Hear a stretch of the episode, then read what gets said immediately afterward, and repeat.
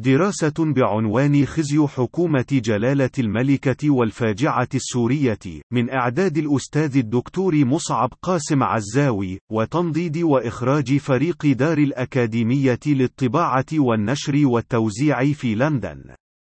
منذ أيام قليلة نشرت صحيفة الأبزرفر البريطانية تقريرا حساسا أثار كثيرا من اللغط السياسي في المملكة المتحدة بعنوان أساقفة الكنيسة الإنجليزية في توبيخ لاذع لرئيس الوزراء البريطاني حول أزمة اللاجئين السوريين والذي شرحت فيه الصحيفة ازدراء الرئيس البريطاني للرسالة التي أرسلها 84 من أساقفة الكنيسة الإنجليزية الإنجليزية في مطلع شهر سبتمبر يعرضون فيها مواجهة أزمة اللاجئين السوريين بتحريك إمكانيات الكنيسة الإنجليزية على مستوى الكنائس والأديرة وكل الكوادر البشرية فيها لأجل تحريك الأمة البريطانية لتأمين المسكن والمأكل والعناية والدعم لما لا يقل عن خمسون لاجئ سوري وخاصة الأطفال منهم الذين تشكل تشكل معاناتهم أزمة أخلاقية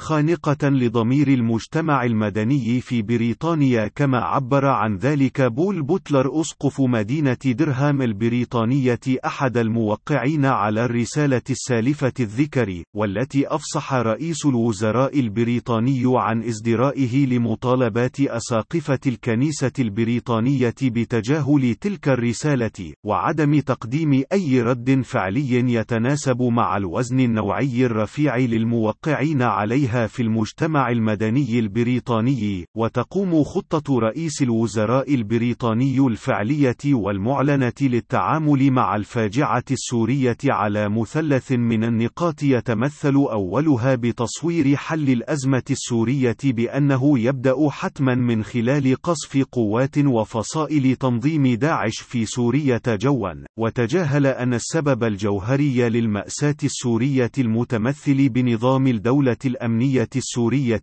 وممارسات الإبادة الجماعية، والأرض المحروقة التي مثلت الحالة اليومية لسلوكه منذ نهاية العام 2011 وحتى الآن، وثانيها بالعمل تدريجيا على تجريع الشعب البريطاني، والحكومات الأوروبية الشريكة للمملكة المتحدة في الاتحاد الأوروبي بضرورة القبول بحل سياسي مشترك. مجتزأ للأزمة السورية يتضمن إقامة حكومة مؤقتة يرأسها بشار الأسد لستة أشهر، أو لأمد غير محدود كما أدلى بذلك وزير الخارجية البريطاني، في لفلفة للأزمة السورية وكأن شيئا لم يكن ولم يفعل الحداد ما فعله بالشعب السوري ولسنوات أربعة من الموت المقيم، وثالث تلك النقاط يتمثل في تسكين أزمة ضمير الشعب الشعب والمجتمع البريطاني من خلال الرياء الذي لا ينقطع لرئيس الوزراء البريطاني بالمساعدات المالية التي قدمها لمساعدة اللاجئين السوريين والتي في مجملها لا تتماشى مع هول الفاجعة السورية، والوزن السياسي والاقتصادي الكوني للمملكة المتحدة، والتي هي بحد ذاتها عاجزة عن أي حل جزئي لمأساة أي من السوريين لكي كونها لا تعالج إلا سطحيا جوهر المأساة المتمثل في النظام الفاشي الذي انتفض الشعب لتغييره في آذار 2011 وتم تحويل انتفاضاته لحرب بالوكالة لكل اللاعبين الدوليين والإقليميين في حرب وقودها وضحاياها من أولياء الدم السوري في الغالبية الساحقة من تفاصيل جلجلة الشعب السوري أما خطة رئيس الوزراء البريطاني بقبول عشر لاجئ سوري خلال خمس سنوات، فيبدو أنها كانت خطة دعائية موجهة لامتصاص غضب الشعب والمجتمع المدني البريطاني عقب انتشار صورة الطفل السوري الغريق على الشواطئ التركية، آلان كردي، والتي لخص تقدمها بنفسه رئيس الوزراء البريطاني بأنه ليس لديه أي أسماء أو أرقام لمن تم قبولهم فعليا بناء على ما تعهد به لحد الآن ولكنه سوف يعمل على قبول ألف لاجئ سوري في المملكة المتحدة قبل عطلة عيد الميلاد القادمة وكأن اللاجئين السوريين يحتاجون للانتظار شهورا أخرى حتى يكتمل نصاب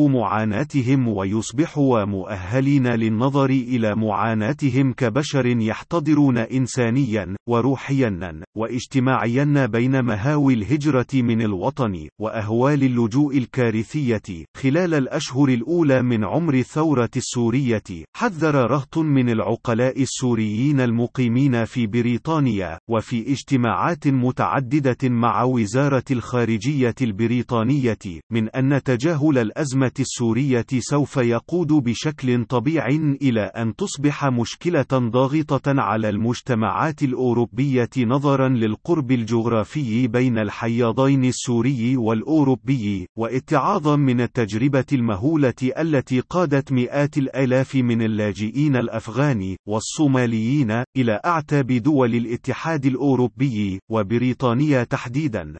وتم اقتراح العشرات من الأفكار لمساعدة الشعب السوري في الانعتاق من نظامه الحاكم إلى أفق نظام ديمقراطي تعددي، كان أبسطها مطالبة السوريين المقيمين في بريطانيا بأن تبادر حكومة المملكة المتحدة بإحالة الأسد وأركان نظامه إلى محكمة الجنايات الدولية كخطوة أولى على طريق تقويض بنيان النظام الفاشي في سوريا على على المستوى الدولي وإرغام القوى الدولية والإقليمية للبحث عن بديل أكثر ملائمة من ذلك الذي انتهت صلاحيته بقوة القانون الدولي وكان الرد السلبي على ذلك الاقتراح المبسط والمتاح تنفيذه كما نفذته بلجيكا بجلاد دولة تشاد حسين حبري سابقا بالشكل السلبي الذي تم الرد به على كل الاقتراحات الأخرى لدعم الشعب السوري المظلوم. المظلوم بشكل فعلي يتجاوز الحالة الدعائية ولا التزام بشرط المحافظة على توازن اللا غالب ولا مغلوب في سورية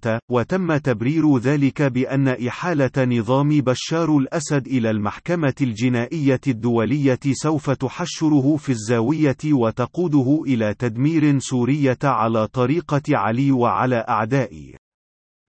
وبعد أن قام نظام بشار الأسد بتدمير سورية أرضا وشعبا ومجتمعا ظل الموقف البريطاني الرسمي كما هو عليه رافضا اتخاذ وقفة قيادية على المستوى الدولي لإحالة نظام بشار الأسد وأركانه إلى المحكمة الجنائية الدولية في تناقض مزمن وعميق مع الواجب الأخلاقي الضاغط الذي يشعر به المجتمع المدني ومؤسساته في بريطانيا وعبر عنه أساقفة الكنيسة الإنجليزية بجلاء منقطع النظير وعلى المقلب الآخر قد يحق لبعض السوريين والعرب تذكير الحكومة البريطانية بواجبها الأخلاقي الذي لا يسقط بالتقادم بالتكفير عن ذنبها التاريخي في المنطقة العربية ابتداء من النكوث باتفاقاتها مع من ولاها من العرب في حربها ضد السلطة العثمانية في الحرب العالمية العالمية الأولى، والتنصل الأفعوي من اتفاقاتها مع الشريف حسين وأبنائه، مرورا بكارثة الانتداب وتقسيم الأرض العربية إلى دول لم تتمكن وحتى اللحظة الراهنة من التعرف على هويتها الوطنية الطبيعية،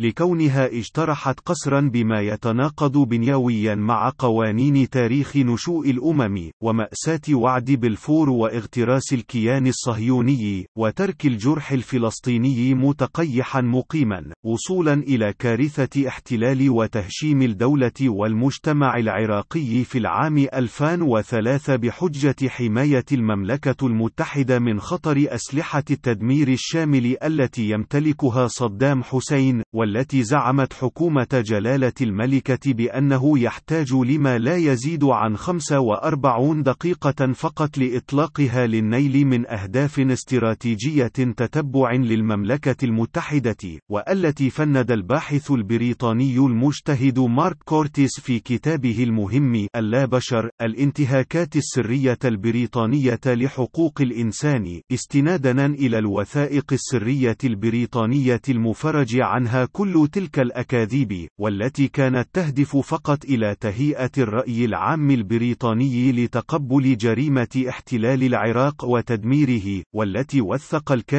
الأخير بأنها كانت استعادة لنموذج الاستعمار الكولينالي المباشر بغرض السيطرة على موارد الطاقة في العراق وخاصة في منطقة البصرة حسب الاتفاق الضمني لتقاسم ثروات العراق مع الساسة الأمريكان ولتعويض خطر نضوب نفط بحر الشمال البريطاني في العام 2005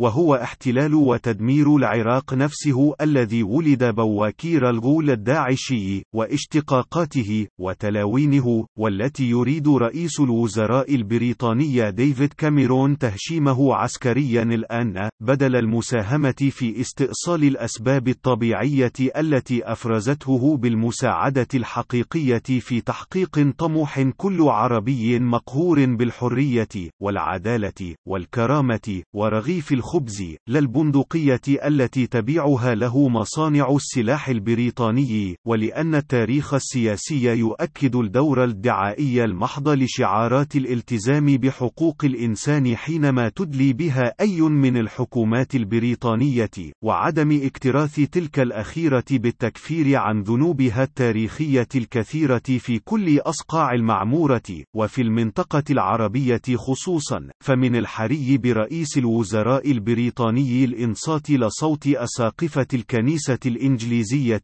ومؤسسات المجتمع المدني البريطاني والتي لا بد لكل العرب المقيمين في المملكة المتحدة من العمل كل حسب استطاعته في دعم جهودها في كشف خزي حكومة جلالة المملكة المتحدة بدل القعود وانتظار أن يصحو ضميرها الأخلاقي الذي تشير كل كتب التاريخ السياسي بأنه لم يبارح أبدا سباته العميقة.